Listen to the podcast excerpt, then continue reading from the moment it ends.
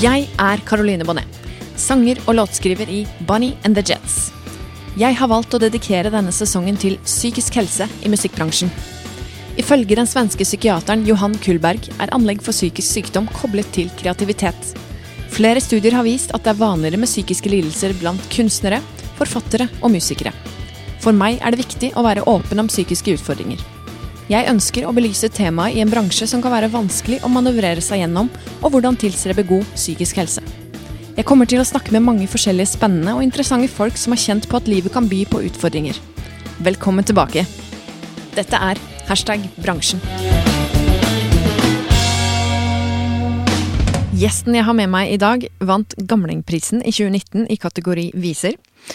Hun er låtskriver, musiker og sanger, og har gitt ut hele åtte plater med eget materiale, hvor tre av dem er med duoen Bøygard, eh, som eh, hennes søster Anita eh, var med i. De ble Spellemannsnominerte for plata Blågras på Skrindo i 2014. Hun spiller i Engla Banditta. Hun spiller med Jørund Bøgeberg, Freddy Holm og Eivind Kløverud, som med Tove Bøygard Band. Hun har også en duo med Jørund Bøgeberg, reiser rundt og spiller en turné jeg ikke husker navnet på, som er veldig kjent. I 2010 debuterte hun som soloartist, og albumet lå tre uker på VG-lista samme år, og hun har vært ekstremt produktiv, og siste album som kom ut var i 2021 og het Eld. Og jeg snakker som kanskje mange har gjetta allerede, om Tove Bøygard. Velkommen, Tove. Tusen takk.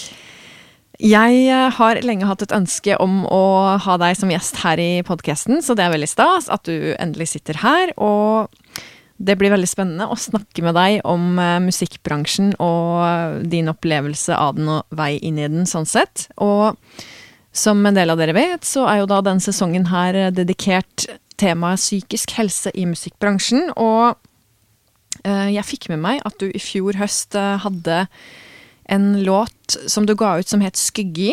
Uh, sa jeg det riktig? Ja, nesten. Ja. Skuggi. Å, oh, Skuggi! Ok. Ja.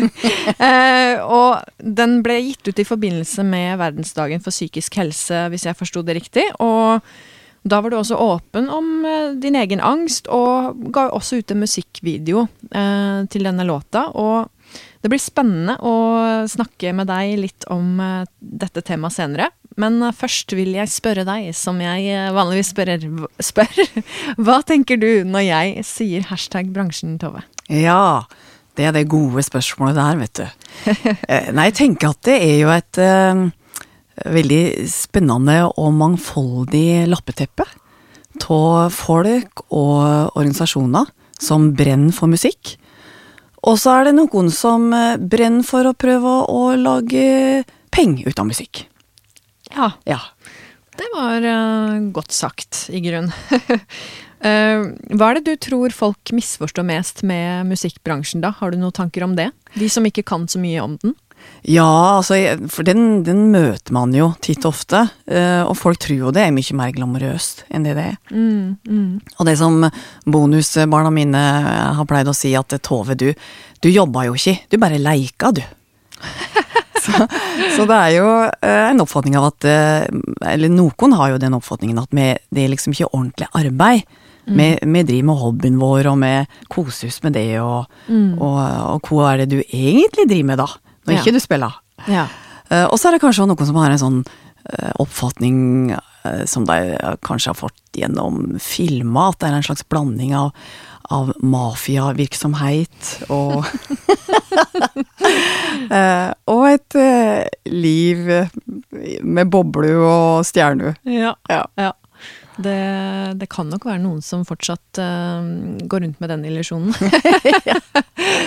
Men du har jo da utallige ganger reist rundt og spilt musikken din og jeg lurer på om du har spesiell, et spesielt minne fra din, uh, ditt liv i musikkbransjen, da, hvor, en opplevelse hvor du tenkte at Herre fred, det her kunne vel aldri skjedd noe annet sted enn i musikkbransjen.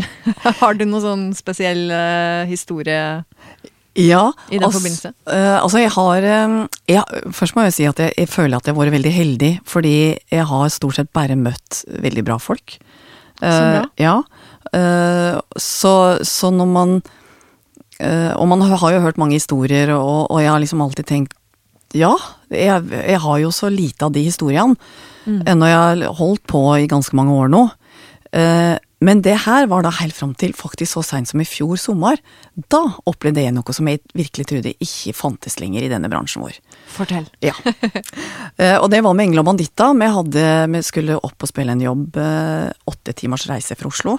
Eh, Jeg har tenkt eh, at i all sømmelighetens navn så skal jeg ikke røpe hvem dette var. Det kan være mange steder. Ja. Åtte timers reise. Ja. uh, og, og det var på en plass der vi har spilt mange ganger og hatt veldig fine opplevelser på å spille der. Jeg tror det var egentlig sjuende sommeren vi skulle tilbake. Ja. Uh, og vi hadde kontrakt, og vi var, reiste oppover, og så prøvde vi å ringe mens vi kjørte oppover. Eh, fordi uh, det var et par spørsmål i forhold til det med lyd og fasiliteter og backline og sånn vi ville bare sjekke. Ja. Vi fikk ikke tak i den arrangøren. Eller han som var ansvarlig, da. Dette var en ny kar, da, som ikke hadde vært der før. Uh, og så endelig så ringer han tilbake, og da er det vel sånn cirka midt på dagen, og så sier han at det, nei, men det blir ikke noe tå. Oi. Og vi bare hæ? Altså nå har vi kjørt i åtte timer, vi er så å si framme, og du sier nå at det ikke blir noe tå? Ja, nei, det blir ikke noe tå. Ja. Eh, så han avlyste samme dag. Oi, ja. Uh, og vi fikk jo høre da at det var jo folk som kom dit, som ikke fikk eh, beskjed om det her en gang, og som kom dit og trodde vi skulle spille konsert, og vi var jo ikke der, for vi ble jo avlyst. Eh, så vi stoppa jo der så langt vi hadde kommet, og, og måtte jo finne overnatting og Ja, for vi skulle jo videre, da. Vi skulle lenger, Ja, enda ja. lenger nordover. Uh, og da tenkte jeg, i all verdens land og rike, Ja. Det finnes sånne cowboyer i denne bransjen Ja. ennå. Uh, og vi hadde kontrakt, da, så jeg tenkte ok, men, men de kommer jo ikke unna å måtte betale, så i hvert fall. Nei, nei, det må de jo gjøre. Ja. Uh, og vi hadde heldigvis en sånn allround-avtale som var inkludert reise og alt, så uh, Men det var ikke noe enkel sak. Så det tok jo flere uker å få de pengene, og det var Zoom-møter, og det var mye styr. Eh, så da fikk jeg jo liksom endelig sett den sida av bransjen etter så mange år. Ja. Uh, og, og det er klart at det, det uh, fins jo da noen sånne som blir ansatt på plasser, og som ikke har peiling, og som tror at eh, ja, men dette her er jo et band med damer Mm. fra Oslo. Ja. Det er ikke så farlig. ja. Tenk på det. Det- Men der tok en feil. Ja, der tok en feil. Ja. Der gikk en fem på. Ja. Men eh, ja, det er et sånt eh, Ja, et typisk hashtag bransjen-minne, tenker jeg. Ja. Litt sånn Men så er, det også det jeg tenker at eh, han var jo ikke en del av bransjen, ikke sant? Altså det, er jo, altså det er jo noe med at eh, han var jo en oppkomling som hadde blitt ansatt der, og som skulle styre med den sjappa i løpet av sommeren, og som jeg virkelig håper nå er sparka, Mm. Hunivolt, ut. For, for han ødelegger jo den plassen hvis han skal være der. Mm. Uh, og, og det er jo For jeg føler jo at bransjen uh, er veldig profesjonalisert, og at det er veldig mye bra folk i bransjen. Og Ja. at det er um, folk som brenner for musikk, og brenner for å gjøre en god jobb, og for å få den gode musikken ut til folk. Uh, og, og han er et veldig godt eksempel på noen som kommer utenfra, og som tror de skal liksom gjøre noe, og som ikke får det til, og som bare er en kjempestor amatør. Ja. Uh, som tror de kan gå inn i denne bransjen og gjøre noe. mm, mm. Uten å ha skills, og uten å ha respekt. Ja. Det er godt det ikke er uh, flust av de, da. Ja. det hadde vært eh, knotete for alle, tenker jeg. Ja. Men eh, når er det du starta opp som musiker, egentlig? Hvor gammel var du når du begynte å skrive låter og begynte å satse som artist? Ja, det er et uh, godt spørsmål, fordi eh, jeg hadde jo Jeg skrev første visa mi da jeg var åtte år. Oi, Ja. så tidlig, Ja, ja, ja. Og da skrev jeg Da gikk jeg på gitarkurs i Arne Moslåtten. Mm. Og så hadde jeg fått veldig sans for disse her Fremfra glemselen-visene. Ok. Det var jo, jeg tror det var 20 kassetter eh, med eh, viser da fra Som ble kalt forskillingsviser. Fra den gangen man eh, gikk rundt og solgte ei vise for en skilling. Nettopp. Ja, gamle viser. Som jeg bare elska. Og så øh, var dette i ei tid der øh, Altså, faren min han jobba på fabrikk nede i Ål. Vi bodde jo da på et småbruk langt til fjells, oppe i Skrindogrende i Ål. Og han øh, hadde da fått beskjed om at fabrikken skulle legges ned.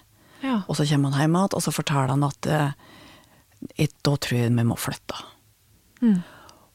Og det her syns jeg var så trist. ja. Så jeg setter meg ned, og så skrev jeg altså en sånn utrolig trist sang om at vi måtte flytte fra Bygde-Norge og inn til byen. Uh, og hvordan dette vakre småbruket som vi vokste opp på, bare lå der til nedfalls. Og at jeg kom tilbake da 20 år seinere og gikk på gjengrodde stier, og alt var attgrodd. Og, og husene hadde nesten dettet ned. Og det var bare så trist. Veldig sånn trist og dramatisk, rett og slett. Ja. Og samtidig et slags lite politisk innlegg òg, da, i, Ja. i distriktspolitikken. Du var eh, moden for alderen, rett og slett. ja. Så det var første visa mi. Eh, og så satt de jo på jenterom og skreiv jo mye, da, opp gjennom året. Men det hadde jo aldri noe guts til å få dette ut. Ikke sant? Jeg hadde jo ikke, tenkte jo ikke det at jeg skulle liksom klare å stå på noen scene, eller hm. Så jeg tenkte ja, det jeg skriver for meg sjøl, og så spilte jeg for familien. ja. Så, så det var jo um, uh, først når jeg, uh, jeg Altså nå foregriper jo liksom begivenheten kanskje litt, men jeg kan bare i korte trekk si at jeg, jeg rømte til Amerika når jeg var 17. Og Wow. ja. Ja. Og, da, og der borte Og da hadde jeg jo sittet på jenterommet jenterom og spilt gitar, da. Jeg hadde jo lært meg å spille gitar og lage sanger. Eh, og der borte fikk jeg litt sånn derre guts Ja. av vet, Det er en helt annen attitude i Amerika. Det er jo det. Ja. Ja. Og amerikanere er, det er helt annerledes. Så, så der eh, spilte jeg litt da på noen sånne T-stillinger. på- sko- eh, Da bodde jeg på en hesteranch uh, utafor Minneapolis og okay. jo en familie. Eh, så da ble jeg jo med på liksom skoleavslutninger og litt sånn sammenstillinger som de hadde, og var med og spilte Så kult. gitar. Ja, så det var liksom, liksom den spede start. Og så kom jeg jo um, hjem igjen til Ål. eh, Et lite opphold i Ål da, før jeg reiste videre ut i verden. Mm. Og Og, um, og så ble jeg jo veldig politisk aktiv i AUF, så der Ja. Fikk jo Og i AUF så er det jo en rik sangtradisjon. Med disse gamle Ja, arbeidersangene. det har jeg skjønt. Mm. Ja. Arbeiderrøslesangene. Som ligger mitt hjerte veldig nært. Jeg blir helt rørt når jeg hører disse gamle, gode Mm. sangene. Også når Internasjonal, for eksempel, da ja. ja, renner tårer i den. Mm. Men uh, i hvert fall så Så da spilte jeg jo litt i de sammenhengene der. Men det var jo først når jeg da begynte å spille i punkband på Blitz på slutten av 80-tallet, Mhm. at uh, jeg turte å gå på ei offentlig scene. ja. Ja. Og det var så befriende, å komme Mhm. dit. Og der var det ikke noe snakk om altså, For det, noe av det som, var, som jeg syntes var veldig skummelt, var at alle var så flinke. ja. Uh, og Ål er jo en kulturkommune med veldig mye bra musikk og mye bra musikkfolk. Men det var jo en veldig sånn Jeg følte at det var en veldig sånn flinkisheit som rådde. Ok. Ikke sant? Du måtte være veldig god Mm. hvis du skulle spille for noen. ja. Uh, og jeg kjente at jeg var ikke der. Jeg er Mm. altfor lite nerdut på sånn instrument og sånn til at jeg ville bli, Ja. komme dit. Men på Blitz, vet du, så var det ikke snakk om det. Har du noe å melde? Ja. Ja, da kan du spille. Og det passa med meg veldig bra. ja. Så kult. Og så gikk det litt sånn slag etter det, eller at Ja, du da fikk mer selvtillit på den, det artisteriet og gikk litt videre Ja, med det da, bandet du spilte i da? ja, for Ja. da begynte jeg i et band som het Perle for svin, og som blei til Pineapple Chunks, og, og så Som egentlig kulminerte i Lucky Moose, som, Mm. der jeg tok inn Anita. Ja. Ja, på eh, midten av 90-tallet. Og som Lucky Moo var jo forløpen til Bøygarд, som var duoen med Anita og jeg. Mm. Ja. Og, så, derfor ble det solo, da. Så det var egentlig eh, takket være Blitz. At Ja. det Blitt så punken, ja. ja, ja, ja. Så bra. Eh, er det sånn at du har en spesiell, et spesielt minne fra din inntreden i musikkbransjen? Var det da du følte at du kanskje ble en del av bransjen? Når du da begynte å spille på scener på Blitz, eller var det Nei, tvert imot. For vi var jo ikke en del av noe. Nei. Uh, og bransjen var vi i hvert fall ikke en del av. Nei, sant. Det var Det er jo et godt poeng. Dere var rebeller. Ja, ja, ja. Ja. Så det var us mot resten av verden. Ja. Og, og, så, og ja. Så det var jo Men Blitz hadde jo hadde en helt egen uh, rute. Ikke sant. Eh, Det var jo mm, spillesteder, mm, undergrunnssteder i de store byene i Norge. Ja. Og så hadde vi jo denne europaruta, Ok. eh, som Blitzbandet alltid reiste på. Og hvilken rute var det, da? Det var nedover i Tyskland og Nederland og Østerrike og ja, som var rett og slett et nettverk av blitzplasser. Ja. Altså okkuperte hus og, og scen, undergrunnsscener eh, i et samarbeid. Og så fikk man seg da en eh, gammel, skranglete transitt. Og så bare stappa han den full med folk og utstyr, og dro nedover. Fantastisk. det er on, life on the road. Ja. Sånn, ja, bokstavelig talt. Det er kult. Vi skal sirkle oss litt inn på temaet for eh, denne episoden eh, her, som eh, sånn sett er angst, fordi du var jo da åpen om en angstproblematikk i fjor høst, når du ga ut låta 'Skuji'. Skuji, veldig bra. Takk. Skuji. Og sånn i forhold til det med angst generelt, da, så er jo det en veldig vanlig tilstand som veldig mange Altså de fleste har jo på en måte opplevd angst, eller kommer til å oppleve angst i løpet av livet, for det er jo sånn sett en sånn en del av det å være menneske, tenker jeg da. Det å kjenne på den angstfølelsen uh, i forskjellig grad. Um, kan du forklare litt om din din eh, angst, og hvordan det har preget deg som låtskriver, f.eks.? Har du noen Absolutt. tanker om det, Tove? Å ja, det Ja. har jeg. Mm. For eh, jeg vokste jo opp på denne her eh, fjelltoppen da, Ja. i Ål, og ganske langt fra folk. Og, og jeg hadde jo eh, Barndomsåra mine var jo veldig trygge og gode. Eh, gikk på barneskole nede i Sando, som det heter, og hadde jo ikke noe med sentrumsungdommen, disse skumle sentrumsungdommene, å gjøre. Eh, og så skjedde jo den store omveltningen da, når jeg begynte på ungdomsskolen, nede i Ål sentrum. Mm. Og jeg bare kjente at det Jeg, jeg, jeg, jeg syns det var innmari vanskelig å takle den overgangen. Ja. Og, og den første opplevelsen av angst, den var veldig fysisk. Ja. For jeg bare stivna fullstendig i hele kroppen. Mm. Jeg fikk ikke fra meg et ord. Mm. Uh, og så fikk jeg det jeg kaller for vatnaugu. Altså, jeg, altså, det var akkurat som, akkurat som du skal strigråte, men det, det var jo ikke gråt. Nei. Det var jo ikke tårer sånn sett, men bare, øynene var bare fylt av vann, så jeg klarte nesten ikke å se. Ja. Uh, utrolig ubehagelig. Mm. Uh, og det var min, mitt fysiske møte med angst Mm. i 7. klasse på ungdomsskolen. ja. Veldig Og- sånn godt eksempel på det at angsten kan være så irrasjonell. Ja.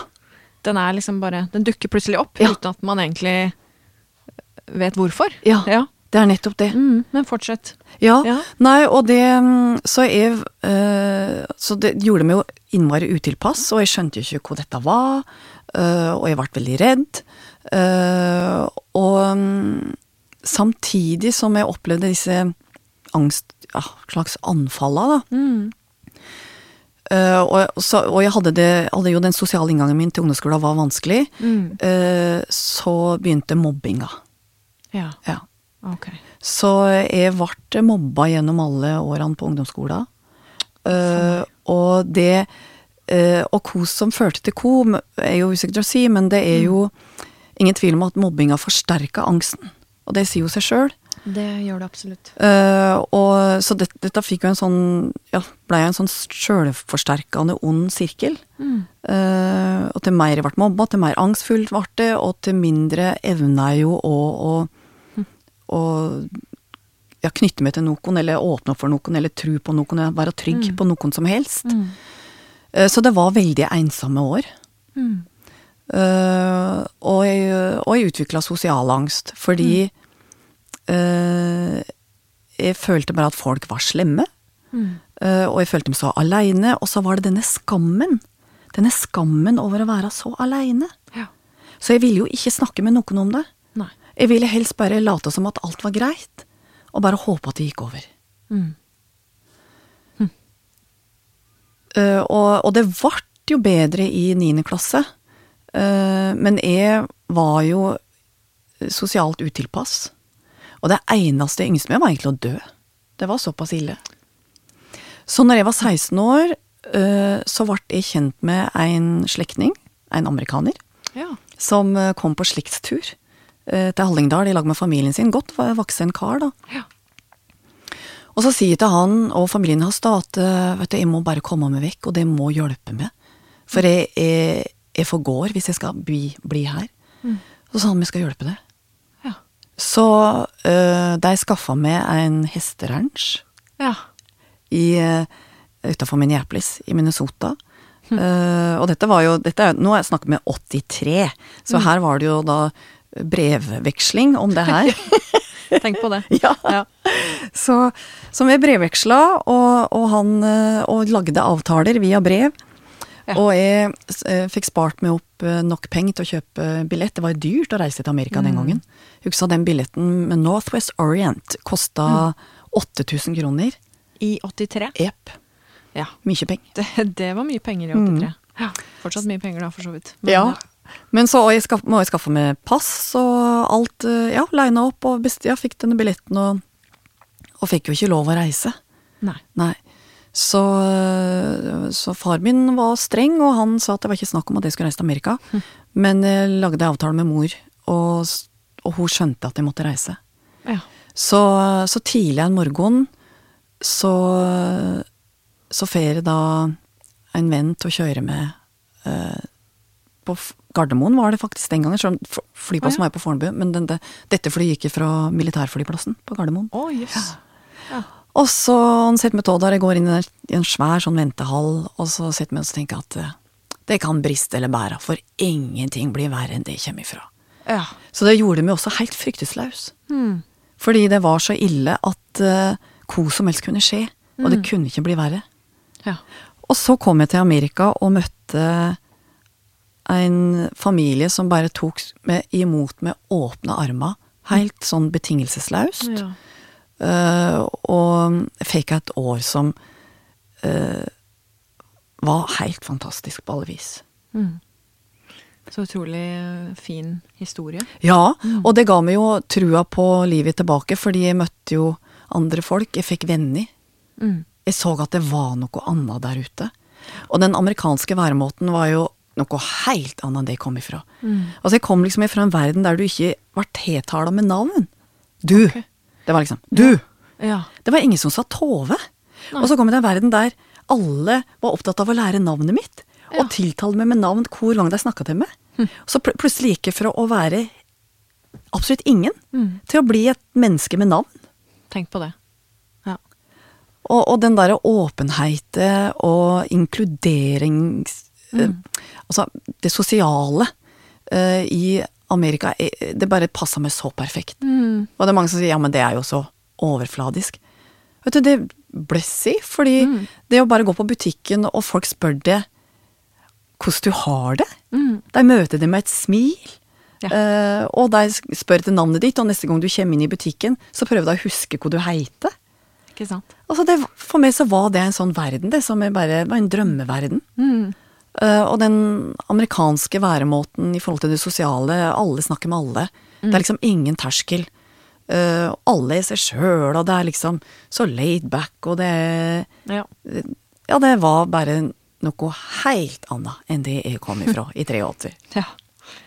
Men så måtte du på sett og vis tilbake, da. Selv om du da, ifølge det du har fortalt nå, så forstår jeg det som at du på en måte fant deg sjøl på sett og vis, og at du fikk en sånn mulighet til å blomstre litt og kjenne på at det går an å ha det godt. Ja. Og, ja, Ja. og ja, møte hyggelige mennesker og kjenne på en trygghet i det, da. Men øhm, så dro du tilbake til Norge etter et år, var det sånn? Ja, og det måtte jo, for jeg hadde jo ikke oppholdstillatelse. Jeg ville jo ikke hjem igjen. Og jeg gret i, i, i dagevis før jeg skulle reise. For jeg ville ikke hjem igjen. Jeg ville ikke tilbake til Nei. det jeg kom ifra. Nei. Eh, og jeg hadde jo ikke sakna noen eller noe på det, på det året. Nei. Uh, og, jeg, og, det, og det med angst nå, ikke sant. Jeg hadde jo så å si ikke angst når jeg var i Amerika. Tenk på det. Ja. Mm.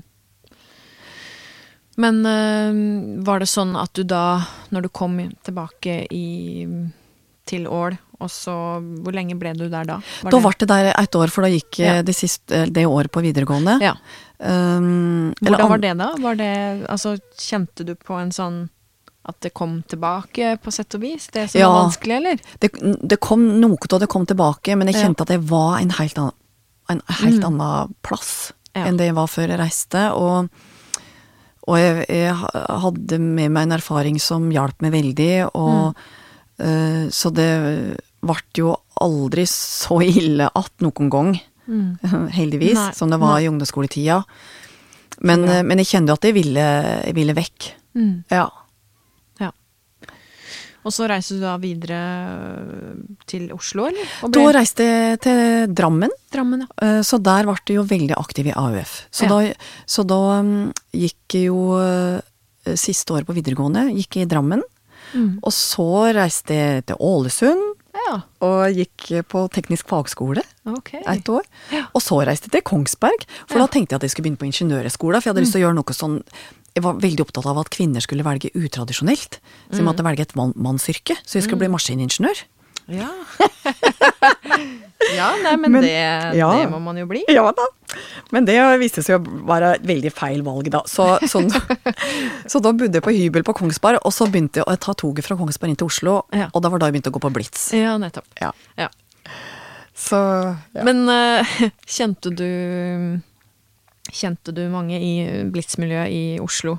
Altså, Var det sånn at du hadde et par venner, og så dro de deg dit, eller var det litt sånn tilfeldig at du havnet der, eller? Nei da, det var jo eh, ikke tilfeldig, fordi jeg mm, hadde jo begynt å spille elgitar, Mm. og jeg ville begynne på elgitarkurs. Ja. Og så var, da var det jo at Da holdt jo AKS til på Blitz i Blitzhuset. Ok. Ja. ja. Så det var Radio Rakel, og det var AKS, og det var Blitz. Mm. Og da begynte jeg på gitarkurs på eh, AKS. Mm. Uh, og så begynte jeg da å spille i, i Perle forsvinn, Ja. ja. og, som var et blitzband, Mm. og, eller AKS blitzband, da. Og, og så Nei, så var, da var jeg bare inne i det. Mm. Eh, og så flytta jeg jo det til Oslo, Mm. eh, og mm, begynte på Sosialhøgskolen. Ja. eh, samtidig som jeg da spilte i punkeband og var Mm. veldig mye på Blitz. ja. ja. Men øh, har du hele tiden skrevet tekster øh, sånn underveis? Ja. Uansett hva du har gjort? Om det har vært masse musikk eller ikke, så har du hele tida vært en aktiv låtskriver. Ja, Mm. jeg har skrevet mye. Ja. Og det har jo vært en ventil for meg. Ja. Uh, og jeg tenker jo at um, uh, At de opplevelsene med angsten og mobbinga og de veldig mørke åra Mm. på ungdomsskolen ga meg noen rom som har vært kanskje helt nødvendig for at jeg skal skrive. Så jeg tenker at det, Mm. all, ingenting skjer uten at det kanskje er en grunn, og at det, det er en mening med det meste, og at uh, uh, Selv om det var mørkt og det var skrekkelig, så, så har det kanskje likevel kommet noe ut av det. Ja, godt sagt. Jeg tenker jo at artister og ja, låtskrivere har en sånn egen evne til å kanskje fange opp det som er og kan være vanskelig, da. Mm. Det, det å ha vært igjennom såpass heftige ting som du har, er jo eh, sånn sett noe mange kan kjenne seg igjen i, og som kan gi en form for eh, eh, følelse av at man ikke er aleine om ting, da. Ja.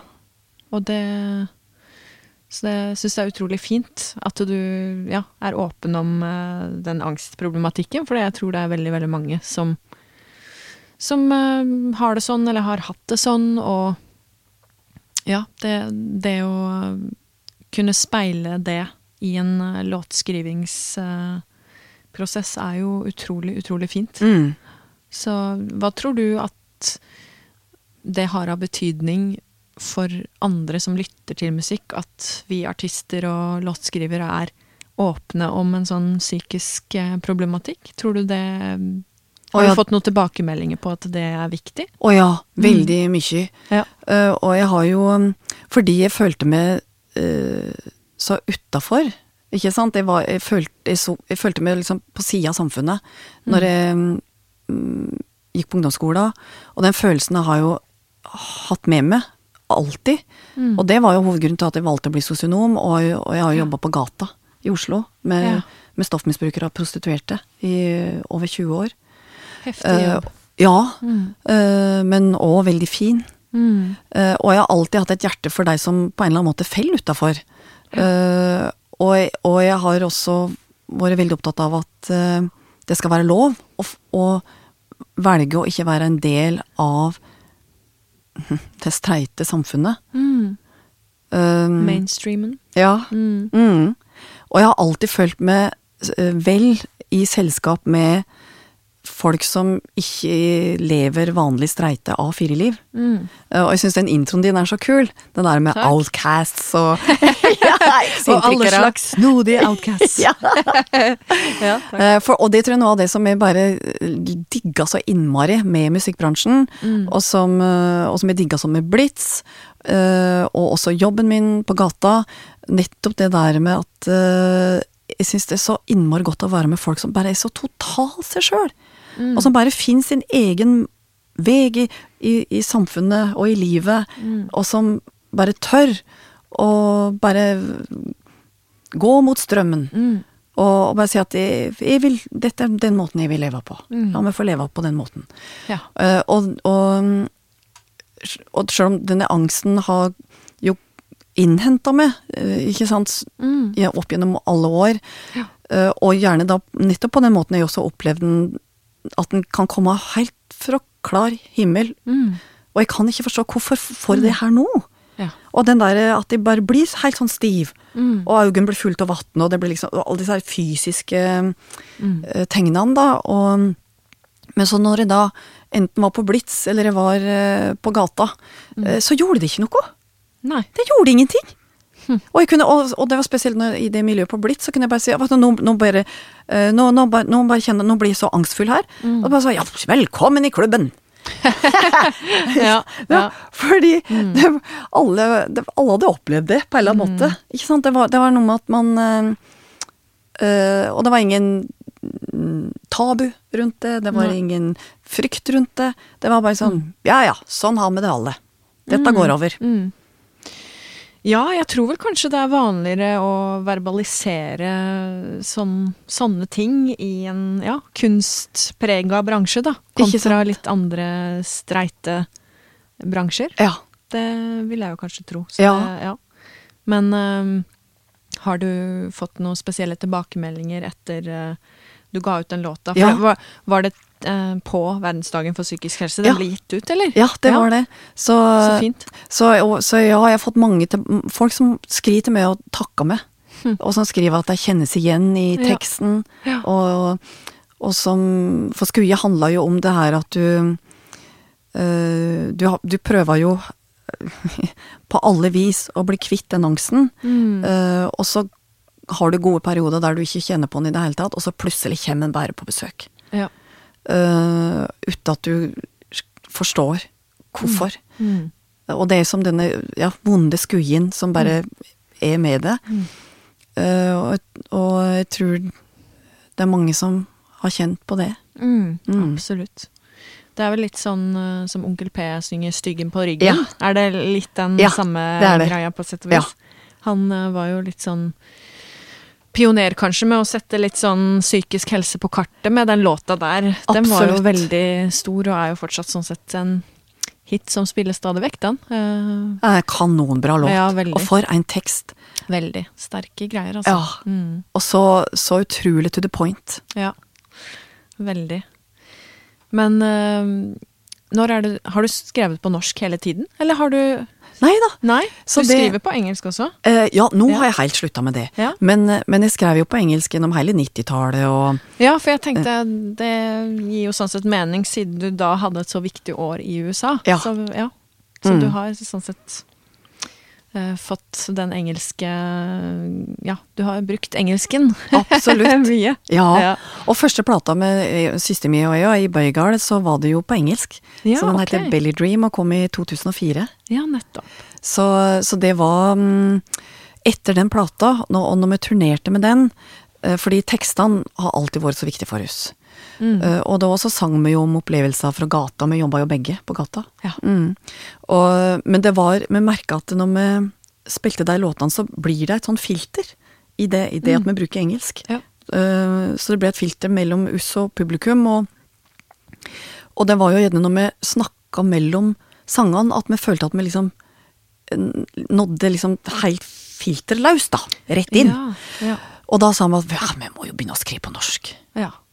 Og så har vi jo heldigvis uh, Hellbillies, som har uh, brøyta veg for hallingdialekter, så til de grader. Det stemmer jo. Ja. Mm. og med og Stein Torlof Bjella òg. Ja. Han er bra. ja, veldig. Så, så det var Og det er jo vi er jo heldige som har ei dialekt som hallingdialekter.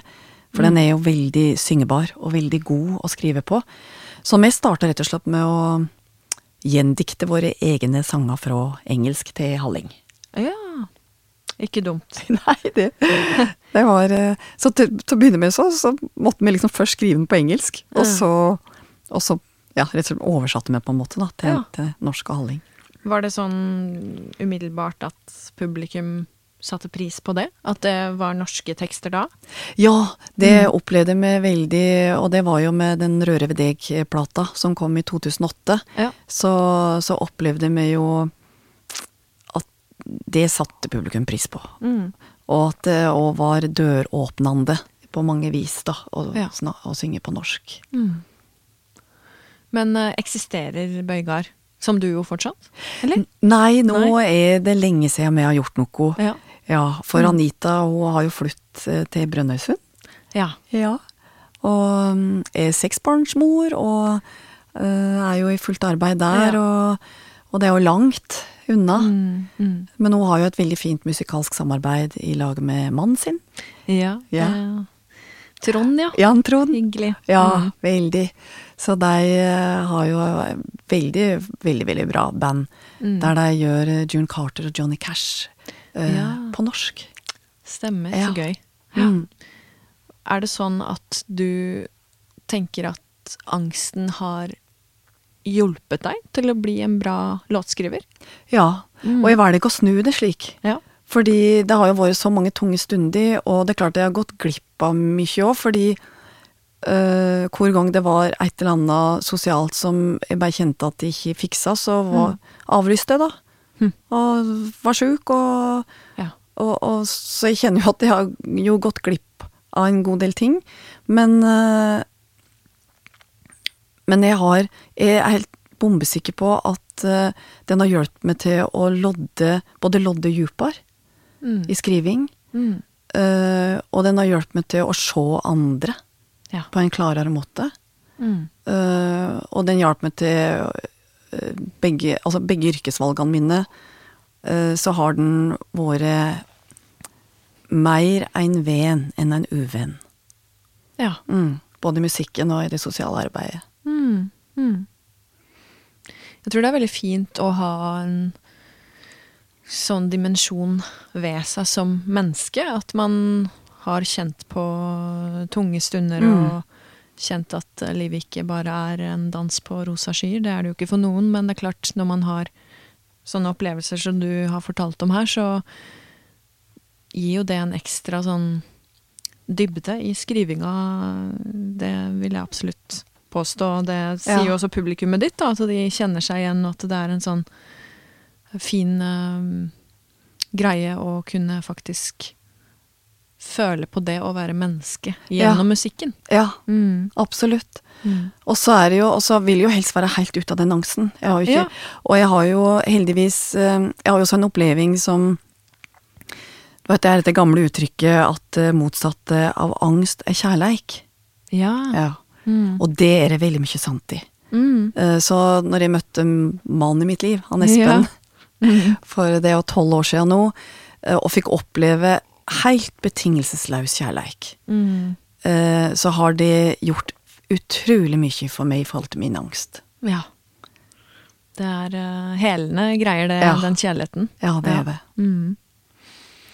Den uh, klisjé som det er, så overvinner den alt.